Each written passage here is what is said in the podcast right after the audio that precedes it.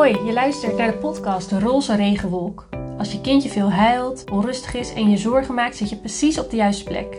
Ik ben Isabelle Arons, ondernemer, moeder en ervaringsdeskundige op gebied van koemelk-eiwitallergie, reflux, eczeem en heupdysplasie. Het is mijn missie om ervoor te zorgen dat jij over betrouwbare informatie beschikt, zodat je je zelfverzekerd voelt en de beste beslissingen kunt nemen wat jouw baby betreft. Daarom ga ik in deze podcast in gesprek met verschillende experts over huilen en onrust en vraag ik ze alles dat jij wil weten. Wil je mij helpen om deze podcast onafhankelijk te kunnen blijven maken? Word dan een vriend van de show. Je kunt eenmalig of maandelijks een bedrag overmaken vanaf 2,50 euro. En je zou mij er ontzettend mee helpen. Heel veel luisterplezier en vergeet niet, na regen komt zonneschijn. Ik heb nog een laatste paar vragen over eczeem. En dan wil ik ook nog het een en ander weten over de verschillende testen die er zijn. En natuurlijk de studie die er loopt. Mhm. Je hebt het al gehad over baby's die dus met een droge huid geboren worden. Die eczeem hebben. Maar heel vaak wordt er ook gezegd door de verloskundige of de huisarts in die eerste week... ja, dit is babyacne. Wat, wat is het verschil? Hoe herken je dat? Ehm, als je babyacne hebt, dan heb je alleen maar kleine hobbeltjes op je huid. Een beetje puistjesachtig. En dat zit vaak vooral in het gezicht en op het bovenlichaam. En dat is inderdaad een onschuldig fenomeen. Een heel belangrijk kenmerk van een droge huid en ook van eczeem is dat je schilfering ziet. Dus als je rode plekken, vaak zijn ze een beetje dik. Het zijn niet alleen puntjes, maar wat grotere plekken die wat dik, rood, schilferend zijn. Nou, dan moet je heel erg denken aan eczeem. Ja, En mede omdat eczeem eh, bijdraagt aan de ontwikkeling van voedselallergie, maar ook omdat kinderen vaak wel last hebben van eczeem, omdat ze er jeuk van hebben. Hè, en omdat het ook een eh, bron kan zijn van eh, infecties. Hè. Dus een bacterie kan daar natuurlijk ook vervolgens zijn gang gaan. ja, vinden wij het heel belangrijk dat je eczeem goed behandelt. Hè. En dat is in e- eerste instantie altijd met vette salven. Kijken of je het rustig krijgt, niet te veel baden. Mhm. En als dat onvoldoende werkt, eh, behandelen wij het altijd met hormoonzalf. Eh, ook dat is iets waar ouders nog wel eens van schrikken als ik daarover begin. Eh, zeker als een kindje nog maar een paar maanden oud is, is dat best spannend. ja, Ehm, maar ehm, er zijn maar buitengewoon weinig ouders die, als ze dan de stap zetten, ze- daar achteraf spijt van hebben. De meesten zijn vooral super blij dat hun kind daarna het zo goed doet, Ja. eh, een gaaf huidje heeft. En heel vaak eh, hebben we helemaal niet zo heel veel hormoonzalf nodig op de langere termijn. Hè, soms moet je het wel onderhouden, maar met best wel lage dosering, waar we absoluut geen bijwerkingen op zien. ja, Ja, dan heb je toch het beste van twee werelden. Ik bedoel, die hormoonzalf, voor veel ouders blijft dat een dingetje, maar als dan je, je ziet dat je kind het gewoon fantastisch doet en je ziet dat er geen bijwerkingen zijn, dan weet je eigenlijk toch wel stiekem dat je de goede keuze hebt gemaakt. Ja. Ook al durf je het misschien op het schoolplein niet te zeggen. Hm. Oké, en even daar, daarover doorgaan hoor. Want je zegt eh, kindjes met een droge huid en eczeem. Dus eerst met ehm, vette zalf insmeren. Ik denk dat het, ik ben wel even benieuwd naar die zalf. Want je zegt heel zalf, geen crème. Maakt dat nog uit? Dat of maakt- olie? Ja, ik heb het al de hele tijd over de barrièrefunctie. Hè? Die huid die laat veel te veel door. En dat gaat twee kanten op. Veel te veel water naar buiten, veel te veel prikkels naar binnen. Mhm. En je wilt dus iets met insmeren wat die barrièrefunctie versterkt. Nou, en een crème doet dat niet.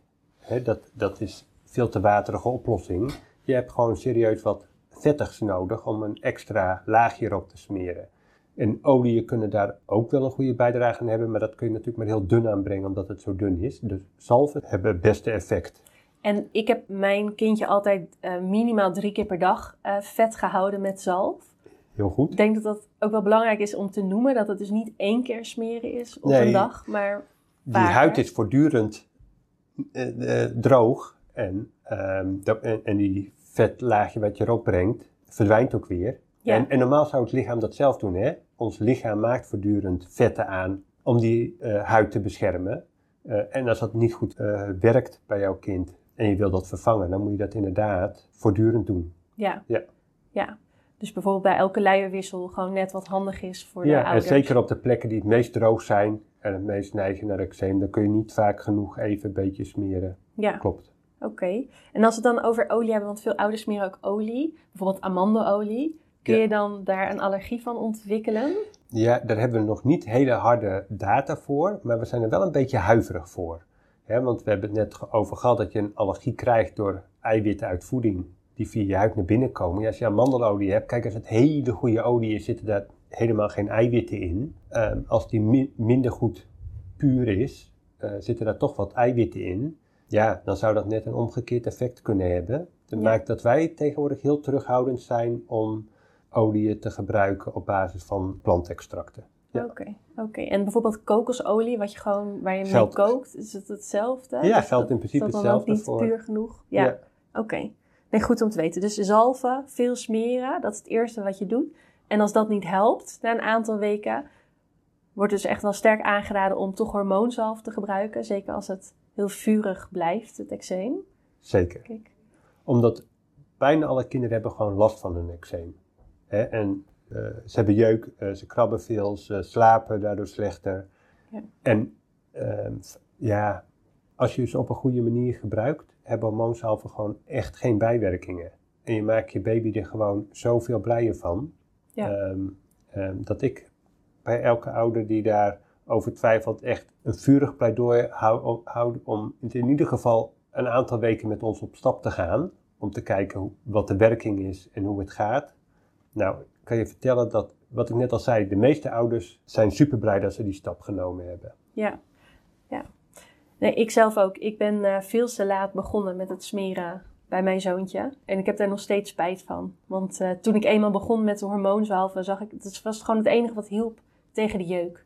En hij werd blijer, denk ik. Hij werd echt zoveel blijer, ja. Ja, en dat duurde wel even.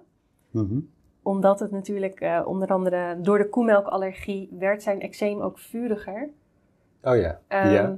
Dus mij is toen gezegd, uh, eczeem staat echt los van de koemelkallergie. Dat is, dat is los ervan, maar als het lichaampje stress ervaart, en dat kan door een allergie, als hij een allergeen binnenkrijgt, kan die eczeem opvlammen. Ja. Uh, en dus heftig geworden. Dus op het moment dat wij ook stopten met de koemelkallergie, in combinatie met de vettenzalf en de hormoonzalf, kregen we het eindelijk een beetje onder controle. Ja. Nee, dat is goed om te noemen. Ik heb geen uh, aandelen in een uh, hormoonzalffabriek. Hè. Dus ik, ik, hoef niet per se die zalf kwijt. Nee. Wat ik wel wil, is dat baby's gewoon zich gelukkig voelen, blij voelen uh, en niet ergens last van hebben van iets wat je op een goede manier kan behandelen. Ja. En dat vind ik echt zonde. Hè? Dat zie ik echt als taak van mij als kinderarts om dat te proberen te voorkomen. En daar zit mijn passie om ouders toch op uh, dit pad te begeleiden, ook al hebben ze aan het begin heel erg veel twijfels. Ja, oké, okay, dan mooi. Overigens dan ook nog een aspect dat, wel terecht waar je zegt, als een kind heel veel last heeft van eczeem, dan kan dat ook heel makkelijk opvlammen. Um, ook als je bijvoorbeeld met bijvoeding begint zelfs als er geen allergie speelt. Maar dan zie je dat alle nieuw, nieuws wat geïntroduceerd wordt in het lichaam toch een beetje reactie geeft. En dan, wat ik best vaak zie, is dat dan kinderen komen wat, waarvan het eczeem al wat langer niet behandeld is en hebben ze een heel uitgebreid dieet. Mhm. Dan gaan we eerst zorgen dat het eczeem helemaal rustig is. En dan gaan we vervolgens al die producten weer introduceren in de voeding. En, dan, en dan gaat het meeste helemaal goed zonder problemen dus uh, ook dat laat we zien hoe belangrijk het is om dat eczeem goed te behandelen. Ja, ja zeker. Ik heb dan ook nog wel een vraag over die vaste hapjes. Wij moesten toen destijds van de kinderarts um, beginnen met vier maanden al met introduceren van, van vaste hapjes en allergenen, zoals pinda en ei, om ervoor te zorgen dat hij daar dus geen allergie voor ontwikkelde. Vanwege zijn heftige eczeem. Maar hij zat zo onder de eczeem en had heel veel last van krampjes en, en huilen de hele tijd dat het onmogelijk was om te testen of die nou, hoe mhm. die daar nou op reageert. Het enige wat hij nog kon krijgen was inderdaad galbulten. Ja. Hoe kijk ik het tegen en hoe, dat had, hoe had dat dan gemoeten? Nou ja, hoe moeten ouders dat doen die dus een kindje hebben met eczeem, die rond de vier maanden zijn, wel of maar niet? Stap 1, stap 1 is, zorg, stap 1 is altijd zorgen dat het eczeem rustig is. Soms is er daar een wat sterker hormoonsalf voor nodig. Wij zeggen als je een week smeert met een hormoonsalf twee keer per dag, mhm. hè, als je daarmee begint, en na een week is het eczeem niet duidelijk op je retour, dan heb je gewoon niet een sterk genoeg hormoonsalf voor jouw kind. Hè, dan moet het een stapje bij op. Dat is dan misschien nog een keer slikken voor ouders. Mhm. Ehm, maar als je geen effect bereikt, kun je ook niet gaan afbouwen. en dat is wat ik super belangrijk vind in een goed gebruik van hormoonsalf, is dat je kan afbouwen naar eh, dat je het maar één of twee keer per week nodig hebt. En, maar je kunt pas afbouwen als het eczeem rustig is. Dus ik vind het geen probleem om met een wat zwaardere zalf te smeren bij baby's. Met de doelstelling dat met een paar weken dat eczeem gewoon weg is. En je kan afbouwen. Ja. Dus als zulke moeders met, en vaders met hun kind bij me komen, zeggen, gaan we eerst zorgen dat het eczeem rustig is. Zetten we behandeling op en pas als dat nagenoeg rustig is, maar dat is meestal binnen een paar weken voor elkaar, dan starten we die voeding. Oké. Oké. En dan over die voeding. Maakt het dan uit of je met vier maanden begint of met zes maanden? Nou, kijk, als je kind geen eczeem heeft en geen droge huid, doe het vooral een beetje relaxed. Maar vooral als je kind dus wel eczeem heeft, dan wil je die pinda en die ei en ook wel die noten graag tussen 6 en 7 maanden erin gaan krijgen. Ja. Nou, dan moet hij wel goed kunnen eten. Nou, ene kind eet binnen een week goed als je start, maar sommige kinderen hebben echt wel een maand nodig om een beetje fatsoenlijk te leren eten en sommige nog wel wat langer. En vandaar het advies, begin nou op de leeftijd van vier maanden met groentehapjes. Nou, misschien vindt het kind, geniet het er gewoon al heel erg van. Kan Mhm. absoluut geen kwaad. Eh, helemaal goed voor de, motor, voor de ontwikkeling van de mondmotoriek, voor de smaakontwikkeling. Maar ook als het dan wat trager gaat, heb je niet gelijk stress. Dan heeft dat kind gewoon tijd om op zijn of haar tempo eh, te leren eten. Maar dan is de kans dat het rond die leeftijd van zes, zes maanden zo'n klein potje die dat volume gewoon goed wegkrijgt, dat is dan best wel groot. En dan kun je door die hoeveelheid heel goed een theelepel pindakaas of eh kippenei of een notenpasta mengen. Ja. En weet je ook dat eh, het goed naar binnen komt. Ja. Oké. En hoe zou je dan die allergenen introduceren? Dat is dus echt een theelepel gecombineerd met een prakje banaan of weet ik veel, Ja, iets. eh, Precies, gewoon lekker ergens ze doorheen. Ja. En En, dan- en, als, je, als je kind heel erg eczeem heeft, dan kan het verstandig zijn om dat een beetje voorzichtig te doen. Maar vaak als je kind erg eczeem heeft, loop je ook wel bij een kinderarts. Eh, dus dan kun je ook eens even daar vragen hoe, je- eh, hoe je dat het beste kan doen. En als je kind mild eczeem heeft, is die kans natuurlijk minder groot dat hij dan al een allergie zou hebben. Ja. Maar goed, het kan dan verstandig zijn om even met een kleine hoeveelheid te doen. En op de site van het voedingscentrum, ehm, maar ook via de jeugdarts, kun je heel goed aan schema's komen. Eh, hoe je dat op een eh, goede manier thuis kan doen. Door het wat geleidelijker op te bouwen. Ja, met die theelepeltjes is Ja, dat dan eh, ja. deeltjes. Ja. Oké. Ja, we hadden het er dus net, net, net al over met die vaste hapjes. Kan dus enerzijds het eczeem een beetje opvlammen weer. Ja, Ehm, en anderzijds kunnen de darmpjes er een beetje last van krijgen. kan ook. Ik kan me voorstellen dat heel veel ouders onzeker worden. En dus op het moment dat ze hapjes gaan geven en het kindje gaat misschien net eindelijk weer wat beter en dan begint weer krampjes te krijgen. Dat ze Ja. dan denken van, oh, kan hij daar dan niet tegen? Of is hij daar dan intolerant voor? Of heeft hij een allergie voor? Of Ja. is er iets met zijn darmpjes aan de hand waardoor Ja. dat prikkelt? Ja. En dat kan best wel veel onzekerheid geven wat je dan moet doen. Ja, En soms is dat ook niet super helder, hè, wat eh, werkt.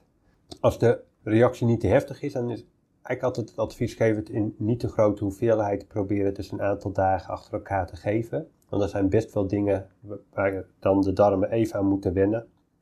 En als je het dan even doorzet, dat dan het uiteindelijk prima gaat. ja, Ehm, zo is het. Kijk, als je een veel heftige reactie hebt, is dat natuurlijk anders. ja, Eh, maar zeker als, als je merkt dat kinderen net wat weer wat onrustiger, huiliger worden hè, van nieuwe soorten voeding, dan kan dat een hele goede methode zijn om dat even wel vol te houden, maar in niet te grote hoeveelheden. ja. Ja. En het kan dus ook zo zijn dat de darmpjes, wat je net ook al zei, dus die prikkelbare darm, Ja, sommige dat- kinderen hebben hele gevoelige darmen en ik zie dat en ik noem dat een prikkelbare darm, omdat ehm, ik het heel vaak dan van ouders terughoor dat, die dat, dat een van de ouders dat zelf ook heeft. Dat Hm. die eigenlijk ook al heel erg gewend zijn dat die erg op het eten moet letten, omdat ze anders bijvoorbeeld buikpijn krijgen. Hè, dus daar lijkt ook wel ehm, iets van een genetische afwijking aan de grondslag liggen, of misschien wel iets met het microbioom, wat je als familie met elkaar deelt. Ja. Ehm, maar in ieder geval is dat iets wat ik wel in families terugzie. Ja. Ehm, Dus voor ouders, Ja. als die dan luisteren en die zijn net begonnen met die vaste hapjes en je Ja. kindje lijkt daarop te reageren, Ja, hoeft dat niet direct een allergie te betekenen, zeker een niet. intolerantie, maar het kan Nee. ook gewoon zijn dat hij gevoelige darmpjes heeft. Ja. En dan is het handig om het een aantal dagen of een week lang eh, hetzelfde soort voedsel, Zo is het. zodat die, daar, zodat die darmpjes daaraan kunnen Ja. wennen. En als je er niet fijn bij voelt, probeer gewoon iets anders. En anders, te geven, maar- zo is het. Ja. Ja. en probeer het op een later moment weer. Ja. Nee, en- Het- maar het is ook een super interessant verschijnsel dat sommige kinderen obstipatie ontwikkelen zo gauw ze aan de bijvoeding gaan. Ja, Dan krijgen ze hele harde ontlasting. Ja, dat is geen allergie, dat is ook gewoon een wat onhandige reactie van die darmen op die bijvoeding. Nou, ook in zo'n geval, dan moet je vooral die kinderen wat, die geven dan wat vezels uit een zakje erbij, zodat het ontlasting dun blijft. En dan Ja. kunnen ze gewoon alles eten. dan heb je het over macrogol bijvoorbeeld. Ja, bijvoorbeeld ja. macrogol. Ja. En, Ja. Maar dat laat zien hoe gevoelig die darmen zijn en hoe wisselend die kunnen reageren. Ja. En, dat is dan helemaal geen allergie, maar puur een darmprobleem. Oké. En het kan dus best zo zijn dat, dat je dan na verloop van tijd dat die obstipatie verdwijnt bij de kindjes. Zeker, zeker. Ja. Ja. Helemaal goed. En ben nog wel even benieuwd naar kruisreacties op een allergie. ja. Wordt vaak gezegd bij koemelk, kindjes met koemelkallergie hebben ook een sojaallergie bijvoorbeeld. Is dat zo? dat is misschien Nou, even voor de. IgE-gemedieerde allergie is dat sowieso niet het geval. Oké, Daar zien we bij jonge kinderen maar heel weinig kruisreacties. Het is wel zo, als je een voedselallergie ontwikkelt als jong kind met eczeem, heb je best wel een grote kans dat je voor iets anders ook een voedselallergie hebt ontwikkeld. Je hebt gewoon een verhoogde gevoeligheid. ja. Dus eh, van de kinderen die wij hier zien met een pindaallergie heeft wel, nou, tot vier op de tien kinderen hebben er een allergie naast. Bijvoorbeeld een kippenallergie of een cashewallergie. Maar Hm. dat is niet kruis, dat is gewoon uiting van jezelfde gevoeligheid om allergie te ontwikkelen. Oké, En als je al een kruisallergie hebt, gaan dan producten die met elkaar verwant zijn. Dus we zien heel soms bij kinderen met een pindaallergie dat die ook een reactie laten zien op erwtjes. Omdat dat allebei pulvruchten zijn. Die zijn. Dat zijn producten die biologisch met elkaar verwant zijn. ja. Nou, koemelk en soja, daar zie ik nog niet helemaal de biologische verwantschap. Dus nee, dat geeft geen kruisreacties. Bij de niet-IgE-gemedieerde allergie wil ik dat ook geen kruisreacties noemen. Maar dan heb je hetzelfde probleem. We denken dat sommige van die kinderen die niet tegen koemelk kunnen, vooral een darmprobleem hebben. Dat die slecht tegen sommige soorten voeding kunnen. En ja, soms is dat op meer voedingsproducten dan alleen de koemelk. Mhm. En ja, dat kan dan ook soja zijn. Maar dan vind ik nog steeds het woord kruisallergie daar niet op van toepassing. Oké. Oké, nou dat is sowieso wel interessant om te weten. Dus eigenlijk noem je dat, dat hele kruisallergie of kruisreacties, dat, dat, Dat- gebruik je niet. Nou, behalve dus voor kinderen die een pindaallergie hebben en op andere pulvruchten dan ook reageren. En vaak zijn dat dan wat mildere reacties. Dan zie je heel duidelijk dat is een gevolg. Zo'n er- erwtjesallergie is het gevolg van de pindaallergie. Oké. Ehm, maar dat zien we overigens bij baby's echt super weinig. En kruisallergie zien we vooral bij oudere kinderen en volwassenen die hooikoorts hebben. Hm. En een allergie hebben primair voor bijvoorbeeld boompollen. En als kruisallergie vervolgens reacties krijgen op appels en peren en perziken. Oh, dus dat is eh, de, verreweg de meest voorkomende vorm van kruisallergie. Ja. Nu we het eh, over voeding hebben nog, specifiek voor koemelkallergie, ben ik wel benieuwd. Vaak wordt Pepti voorgeschreven. Of een neocate of een, eh, of een ander soort aminozuurvoeding. Ja. Heb jij daar nog een bepaald beeld bij? Van ik ga gelijk naar die neocate of ik doe altijd eerst die Pepti? Want het is natuurlijk beleid, denk ik. Of, ja, nee, ik, ik probeer altijd met eh, het meest gewone voedsel uit te komen. Dus zo min mogelijk bewerkt. Dus dat betekent dat, nou, Pepti is dan van Nutritia, maar je hebt vergelijk, gelijkwaardige producten van andere eh, fabrikanten. Eh, dat is altijd het eerste wat we proberen. Ook omdat bij de gros van de kinderen dat een voldoende effect heeft. En wat bedoel je dan met, want je hebt bijvoorbeeld ook op basis van geitenmelk of Ja. rijst. Bedoel je dat dan? Nou, nee, omdat ten eerste het moet een volwaardige voeding zijn. En als je hebt op basis van rijst, wordt het moeilijker om een volwaardige voeding voor elkaar te krijgen. Maar goed, het moet officiële kunstvoeding zijn. Ja, Een geitenmelkvoeding helpt niet, want we weten dat de eiwitten in geitenmelk erg veel lijken op de eiwitten van koemelk. Dus meestal geeft dat wel een kruisallergie. oké. Oh. Toch? Omdat die eiwitten zo erg op elkaar lijken. ja. Dus dat is meestal niet de oplossing. Dus je moet wel een product hebben waar de eiwitten in kapot gemaakt zijn. Mhm. Maar hoe minder, hoe beter. Omdat we weten dat eiwitten, die zijn ook weer goed als signaal voor je darmen, voor de eh, darmontwikkeling. Dus, dus ik streef erg naar om zonder aminozuurvoeding uit te komen. Ja. Hè, want dat is echt een heel kunstmatig product. Eh, er is helemaal weinig natuurlijks aan. Oké. Dus ik denk echt dat het beter voor het kind is op de langere termijn als je met, een, eh, met bijvoorbeeld Pepti uit gaat komen. Oké, oké. En dan nog heel even daarover en dan gaan we echt door Ja. naar die testen. Want wij waren ook begonnen met Pepti. Ja. En het ging echt direct veel beter. Ja. Maar na een week kwam, die eczeem, kwam het eczeem echt tien keer erger terug. En die krampjes tien keer Ja. erger terug. En, al, en toen dacht, eerst dachten wij, hè, het is toch koemelkallergie, want het werkt. Ja. En daarna was het Ja. van, oh, misschien is het toch geen Ja, koemelkallergie. en dat vind ik dan een typische moment om dan alsnog die stap te nemen. Naar een naar- bijvoorbeeld. Bijvoorbeeld, ja, dus naar een aminozuurvoeding. En ehm, welke testen zijn er eh, om te testen of je kindje voedselallergie heeft? Wat is betrouwbaar? Ja, nou, ten eerste zijn er dus alleen maar testen voor de IgE-gemedieerde allergie. Ja, En dat is dan een huidtest of bloedonderzoek. En er zit niet heel groot verschil in de betrouwbaarheid tussen die twee testen. Als uit de huidtest of het bloedonderzoek, als er geen antistoffen worden gevonden, heeft je kind in principe geen IgE-gemedieerde allergie. Die kans dat je het toch heeft, super klein. Mhm. Heb je wel antistoffen, dan kan je kind een allergie hebben, maar dat hoeft nog niet. En dat is dan wel een beetje gerelateerd als je nou een hele sterk positieve huidtest hebt, of je hebt een hele hoge waarde in je bloed, is die kans natuurlijk groter Mhm. dat je maar een licht verhoogde waarde hebt. Eh, maar dat zijn de twee testen die we kunnen doen. Maar dat hoor je al, dat kan wel een duidelijk antwoord hebben. Je hebt het niet, maar dat geeft eigenlijk nooit een antwoord van je hebt het zeker weten wel. Want dat gaat dan weer over die sensibilisatie. Ja, dat is wat je meet. Maar wat wat- je meet. Ja. je meet antistoffen, maar niet, het is niet altijd zo dat antistoffen ook leiden tot een allergie. Als je darm ondertussen voldoende andere stofjes heeft, heeft gemaakt, kan dat zijn dat dat voorkomt dat je een allergie hebt. Ja. Dus uiteindelijk is de slogan eet het en je weet het. Hm. Eh, En zo nodig doen we dat dan in het ziekenhuis. En dan noemen we het een provocatietest. En je kunt het ook, als je thuis doet, dan noemen we het eh, dat je introduceert met een introductieschema. Ja. Heel voorzichtig. Maar dat is de enige manier uiteindelijk dan om het met zekerheid eh, eh, te weten. En dat geldt voor de niet-IgE-gemedieerde koemelkallergie ook. Dat de enige manier om te weten of je kind nog reageert op koemelk is door het te geven. Ja.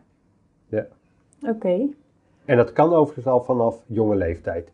Je wordt niet geboren met een allergie, dus het heeft geen enkele zin om op de leeftijd van twee maanden allergieonderzoek te doen. Ja. Maar als je kind met eczeem op de leeftijd van vijf maanden bij het eerste hapje pinda een flinke reactie heeft, kun je op dat moment prima een huidtest doen of bloedonderzoek om te kijken of ehm, in die maanden al de antistofontwikkeling op gang is gekomen. Ja. Oké. Goed om te weten. En die provocatie, Ja. Vanaf welke leeftijd, vanaf hoeveel weken of maanden zou je dat kunnen gaan doen? Dus dan natuurlijk, bij de jongste heb je dan over koemelk. Ja, ja dat, kan gewoon, dat kan vanaf elke leeftijd. Eh, wij doen het meestal een beetje vanaf de leeftijd van vier of vijf maanden, omdat kinderen dan soepel de fles leeg drinken, de hoeveelheid die ze door de dag moeten eh, drinken. Maar in theorie kan het ook al op jongere leeftijd. Ja. Zo is het. En hoe gaat zo'n provocatie in zijn werk? Dat is iets wat ik altijd afstem met ouders. En dat ligt ook op hoe groot je de kans vindt dat er een probleem komt. Heel, als kind eczeem heeft, ik noem het maar voor pinda. En die moeder die komt, die zegt ik wil pinda gaan eten, maar ik vind dat best spannend. Ja. Eh, want eh, mijn kind heeft hartstikke eczeem, hij is zeven maanden. Nou doen we een huidtestje. Ja. Nou, als die dan die het huidtestje niks laat zien, gaat moeder het sowieso thuis doen. Maar als je nou net een heel klein beetje opkomt, zeg ik ja, je moet er sowieso snel werk van maken. eh, want er speelt er wel wat, maar het is nog heel subtiel. De kans is verreweg het grootste dat er niks gebeurt. Ja. Eh, wat wil je? En dan zeggen sommige moeders, ja, doodeng. Alleen maar in het ziekenhuis. En andere moeders zeggen, ach, ik heb nog een gast thuis die eh, heeft ook een voedselallergie. Ik weet wat ik moet doen. Zeg maar, maar hoe, hoe ik het moet doen. Ja. Geef me de anti-allergiemedicijnen mee. En dan ga ik het morgen nog thuis doen. En dan, omdat het waarschijnlijk goed gaat. En als het toch een allergische reactie komt, vertel me wat ik moet doen. Eh, dan komt dat ook goed. Ja. Snap je? Dus dat is iets wat ik altijd op die manier in afstemming doe. En als je een supergrote huidtest denkt, hebt en je denkt, nou, dit zal wel een allerg- allergie zijn. Die kans is echt wel 80, 90 procent. dan doen we nog steeds een provocatietest. Want die laatste 10 of 20 procent wil ik niet missen. Mhm. Want dan kun je nog steeds kinderen thuis gaan geven en die allergieontwikkeling voorkomen. Ja. Maar dan denk je, doe het maar in het ziekenhuis. Want de kans is zo groot op een reactie. Dan is het prettig dat de ouders hier zijn. En dan kunnen we de beste zorg geven. Ja. Oké, dan heel even voor mijn beeld. Want je hebt natuurlijk aan de ene kant de provocatietest om te testen of het kind wel of geen allergie heeft. En aan de andere kant heb je natuurlijk de studie eh, of de behandeling tegen voedselallergie. Ja. Ik zit even in mijn hoofd, waar heb je het nu over? Over echt alleen die provocatie? om Die provocatie is alleen maar om erachter te komen of je wel of geen allergie hebt. Oké. Ja. Oké. En dan heb je dus inderdaad bij verschillende voedselallergie, dus pinda en ei, dan provoceer je dat samen door dat toe we doen nooit, we doen altijd apart. Omdat als je een allergische reactie krijgt, willen we weten op welk voedselproduct je een reactie hebt.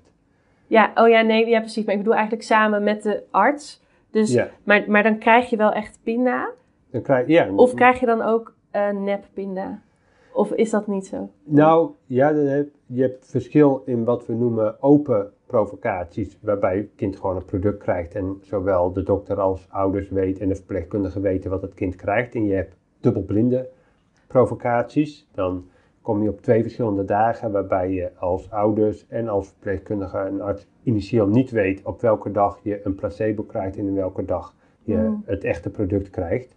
Maar bij jonge baby's doen we, eigen, doen we de meeste dokters in Nederland open provocaties. Omdat die kinderen meestal hele duidelijke reacties laten zien of ze wel of geen allergie hebben. En het sowieso al, een, ehm, als je je product ergens in wil verstoppen, eh, betekent dat je volume groter wordt. Hè. Er Mhm. worden dan bijvoorbeeld cakejes. Nou, als je dan zes of zeven maanden oud bent, dan is dat best eh, een gedoe om zo'n cakeje weg te werken. Ja, Eh, dus dat maakt de uitvoerbaarheid veel lastiger. ja. Dus we doen het op de jonge leeftijd eigenlijk voor het grootste gedeelte. En hier in Deventer doen we dat absoluut altijd allemaal gewoon open. Ja, Dus gewoon pindakaas of we doen veel met pindameel. En dat kan dan door het favoriete hapje gemengd worden. En dan beginnen we met een klein beetje en gedurende de ochtend geven we dan elk half uur een beetje meer. Net zolang tot er of een goede dosis in is gegaan zonder problemen. Of totdat we een duidelijke allergische reactie zien. ja. Oké. Oké. Dus, en ik denk dat het verschil daarin ook zit, dus de ook provocatie eigenlijk met, met, met pinda en ei en dat soort producten.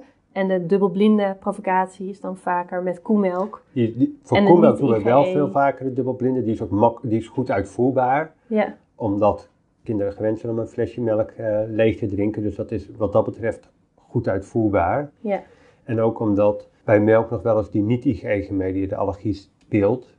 Waar veel nou, kinderen niet altijd een super duidelijke reactie laat zien. Dus nee, dat vergt dan dat je gewoon heel kritisch met elkaar kijkt. Zowel als ouder en als dokter. ja. En zo'n dubbelblinde provocatie dwingt je gewoon om, kri- om kritischer te zijn ja. op wat je nou waarneemt. En ik heb zelf het idee dat zo'n dubbelblinde provocatie bij koemelk vaak wordt gedaan om het dieetvoeding vergoed te kunnen krijgen. Is- speelt daar ook een rol in? Zeker. En niet per se om ja, er echt achter te komen of de baby reageert. Nou, het is ook een verplichting, dat klopt, om voor, als dokter om de machtiging voor te schrijven. Je moet met zekerheid de allergie vaststellen. En vaak heb je daar zo'n provocatietest voor nodig, dat klopt. Hm. En ja, je kan als ouder af overtuigd zijn. Maar goed, het gebeurt soms ook dat je als ouder overtuigd bent en je buitengewoon verrast wordt dat het super soepel gaat en er helemaal geen problemen zijn. Ja, Ehm, dat gebeurt ook. Dus, en ik kan niet op basis van wat, het verhaal van wat ouders mij in de spreekkamer vertellen, altijd voorspellen bij welke kind wat gebeurt. nee, precies. Kon Ja. ik dat maar. Ja, ja, ja, oké. Dan was ik heel erg knap eh, bezig.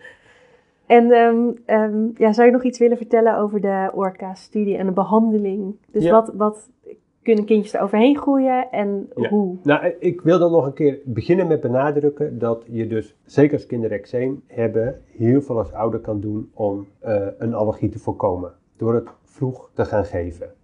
En er komt nog, eigenlijk nog een advies bij. Dat is eigenlijk zorgen dat de eerste maanden in het leven het kind zo min mogelijk huidcontact heeft met die betreffende allergenen. Eh, en dan zijn eh ei, pinda en noten daarin het meest belangrijk. Dus eet dat thuis niet te veel of was je handen als je het gegeten hebt heel erg goed. Zorg dat zo min mogelijk sporen van dat product thuis rondgaan. Ja. Want ik heb een super duidelijke relatie eh, van ouders die thuis veel noten eten en kinderen die dan al op jonge leeftijd een noodallergie hebben. met een goed voorbeeld van een eh, moeder die haar kind borstvoeding gaf en elke middag tijdens de borstvoeding een bakje cashewnoten leeg had. Mhm. Eh, waarbij dat kind dus heel veel huidcontact ook, ook, had met de cashew, terwijl dat kind eczeem had. Nou, dat kind had ook op de leeftijd van vijf maanden een cashewallergie. Ja. Laat gelijk zien dat het via de borstvoeding niet beschermt, maar dat huidcontact echt funest is. En dat vind ik wel belangrijk, want nu concluderen we eens bij kinderen van 7, 8 maanden oud dat ouders zeggen van wat jammer dat ik dat niet wist. Dat ik de afgelopen maanden mijn bakje noten even had moeten laten staan of mijn handen goed had moeten wassen. Uh, dus dat vind ik echt by far. Zorg dat je kind weinig in contact komt. Zorg dat het rond 6 of 7 maanden de ei, de pinde erin gaat en daarna ook cashewnoot en hazelnoot eh, als de belangrijkste. Oké. Kun je echt een groot verschil mee maken. Als het dan toch niet gelukt is om een allergie te voorkomen, dan is op dit moment nog steeds zo dat er dan wordt geadviseerd om het kind dat product niet te geven. Uh, dat is internationaal op dit moment nog het standaard beleid. Ja. Waarbij het zo is dat bij koemelk en kippenallergie je kind echt wel een flinke grote kans heeft dat hij er nog spontaan overheen groeit. Hè, dus die allergie kan verdwijnen. Waarbij bijvoorbeeld de pindaallergie is dat ongeveer 1 op de 5 die er dan nog spontaan overheen komt. En dat mhm. betekent dat van die groep kinderen wel heel veel levenslang gewoon die allergie houden. Nou, met die hele gedachte dat die darm zulke goede dingen doet hè, in de tolerantieontwikkeling, zijn wij onderzoek gestart of als je op hele jonge leeftijd bij kinderen met een pindaallergie toch niet kleine beetjes pinden gaat geven, je dan die allergieontwikkeling nog weer terug kan draaien. En dat onderzoeken we niet alleen voor pinden, maar eigenlijk voor alle soorten allergie. En onze uh, eerste onderzoek daarna laat daar hele hoopvolle resultaten over zien. En het belangrijkste is, was eigenlijk voor ons om uit te zoeken, werkt dat wel? Want internationaal gebeurt dat echt nog heel erg weinig. Oké. Dus het was gewoon een spannende vraag. Kun je zeker op kinderen die drie of vier allergieën hebben, al die verschillende producten geven? Worden ze daar niet heel ziek van? Uh, hoe reageren hun darmen daarop? Uh, hoe gaat het dan met het eczeem? Ja. Nou, zeker zijn er bijwerkingen. Bij het ene kind meer dan het andere. Maar bij de meeste kinderen is die therapie goed uit te voeren. En vinden ouders de therapie ook goed uitvoerbaar. En de eerste voorzichtige getallen laten zien dat we iets van 80% van die kinderen daarmee van een allergie kunnen afhelpen. Nou, dat is een waanzinnig getal. Ja. Alleen we hebben nu nog niet een onderzoek gedaan met een controlegroep om te kijken hoeveel kinderen zouden er dan spontaan van een allergie zijn afgekomen. En dat betekent dat, dit, dat het op dit moment absoluut geen standaard therapie is. Ook niet in Nederland. En we zijn wel sinds januari een heel groot onderzoek gestart in Nederland, waarbij de komende twee jaar 500 kinderen in het onderzoek gaan stoppen, waarbij 250 kinderen behandeld worden voor een allergie, 250 kinderen niet. En uh, we gaan kijken dan tussen die twee groepen hoe groot het verschil is. En dat onderzoek moet gaan bewijzen of dit een therapie is waarvan we met z'n allen gaan zeggen: dit is belangrijk, dit is effectief. Dus we gaan daar ook tijd en ruimte voor vrijmaken. Want er zijn heel veel kinderen met een voedselallergie. Ja. Ehm, als je die allemaal wil helpen uh, en allemaal die therapie geven, dan moeten we aan de bak. Dus begrijp ik nou goed dat uit de studie die al gedaan is, daaruit is gebleken dat 80% van de kinderen met een IgE-gemedieerde allergie van de voedselallergie zijn afgekomen? Kijk, er zitten er wel een paar haken en ogen wat ik zeg aan die 80%. Ten eerste weten we dus niet hoe groot gedeelte van de kinderen er zelf overheen gegroeid zou zijn. Ja. dus het is ook goed om te weten dat we in het verleden vaak een pindaallergie pas op wat latere leeftijd vaststelden. dus van die hele jonge kinderen hebben we niet hele goede getallen hoeveel kinderen nou precies er dan nog weer heel snel overheen groeien. Mhm. Dus wat is nou de echte toegevoegde waarde van die therapie? Dat weten we nog niet goed genoeg.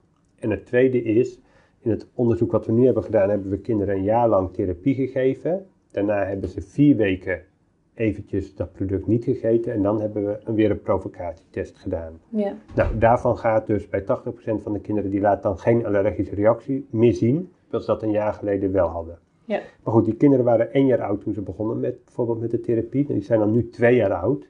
Terwijl we weten dat het tot je vijfde er op allergievlak met je afweersysteem nog heel veel ontwikkelingen plaatsvinden.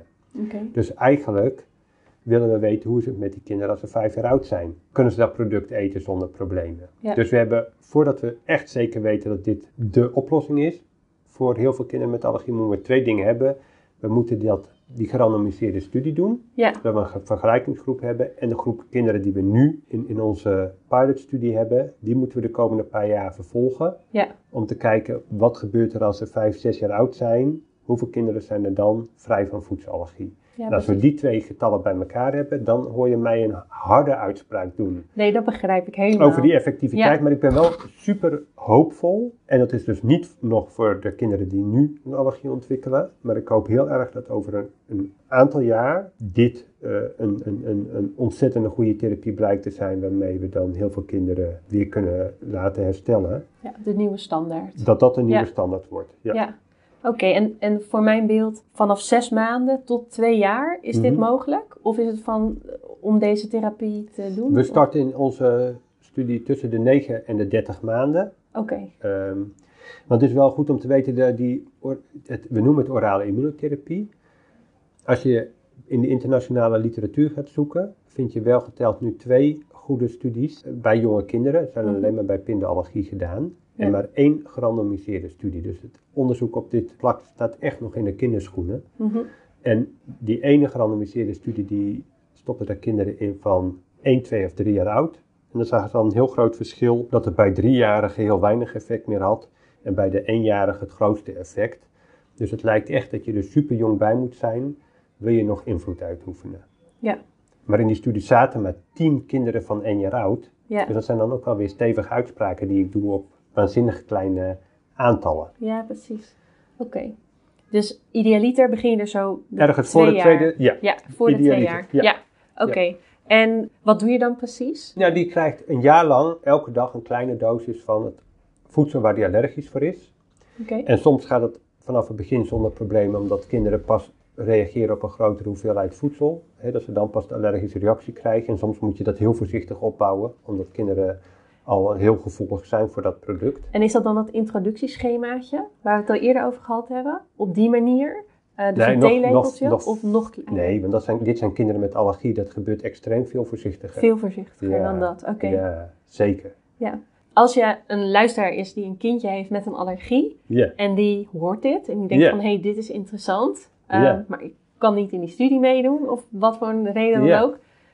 Zeg je dan probeer het niet thuis? Nou, dat Of is wel wel, dat is- thuis, of wat? nou, nee, het is absoluut mijn advies om dit niet thuis eh, te proberen. Eh, omdat we zien dat bij eh, best veel kinderen het veel bijwerkingen geeft en ontzettend veel zoeken is hoe je dat veilig eh, en goed kan uitvoeren. Wat je eventjes thuis probeert. En bedenk, tot heel recent was deze gedachte er überhaupt niet. Hè? We gaan Ja. al jaren zeggen we, er is geen therapie.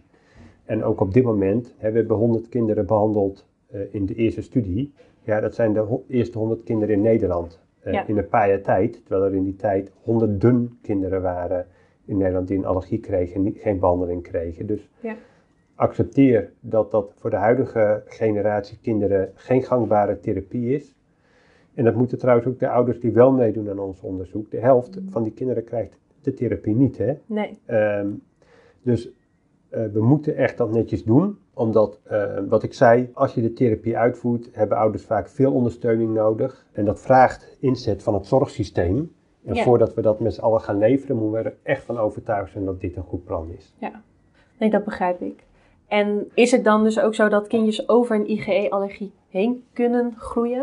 We Ja. hebben het al over niet-IgE gehad. Dat, dat, Ja, dat is Precies, nee, de IgE, de IgE voor, voor eh, ei en voor melk ligt het er wel tussen de 60 en de 80 procent. Dus dat is echt een groot aantal van de kinderen die daar weer spontaan van afkomt. En dat is dan binnen de vijf jaar? Of- Ja, en best, zo is het. Dus dat is al best wel op jonge leeftijd bij de meesten.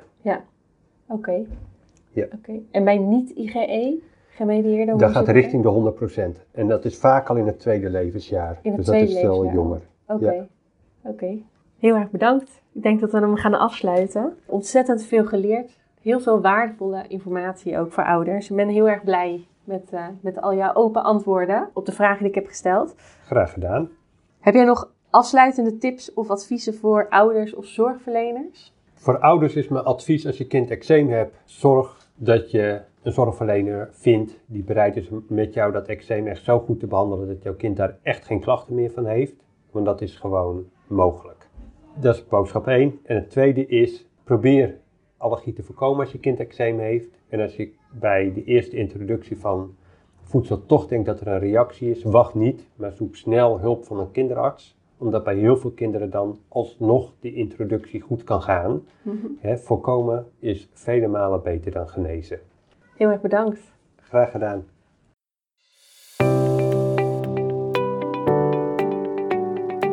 Ja, dit was de aflevering over voedselallergie en eczeem. Vond je het een waardevolle aflevering? Druk dan op het sterretje om de podcast een beoordeling te geven. En vergeet niet om op de knop volgen te drukken, want dan ben je als eerste op de hoogte als er weer een nieuwe aflevering online staat. Je kunt me ook altijd een berichtje sturen via e-mail, LinkedIn of Instagram. Ik ben namelijk ontzettend benieuwd wat jij van deze podcast vindt. Heel erg bedankt voor het luisteren en tot de volgende aflevering.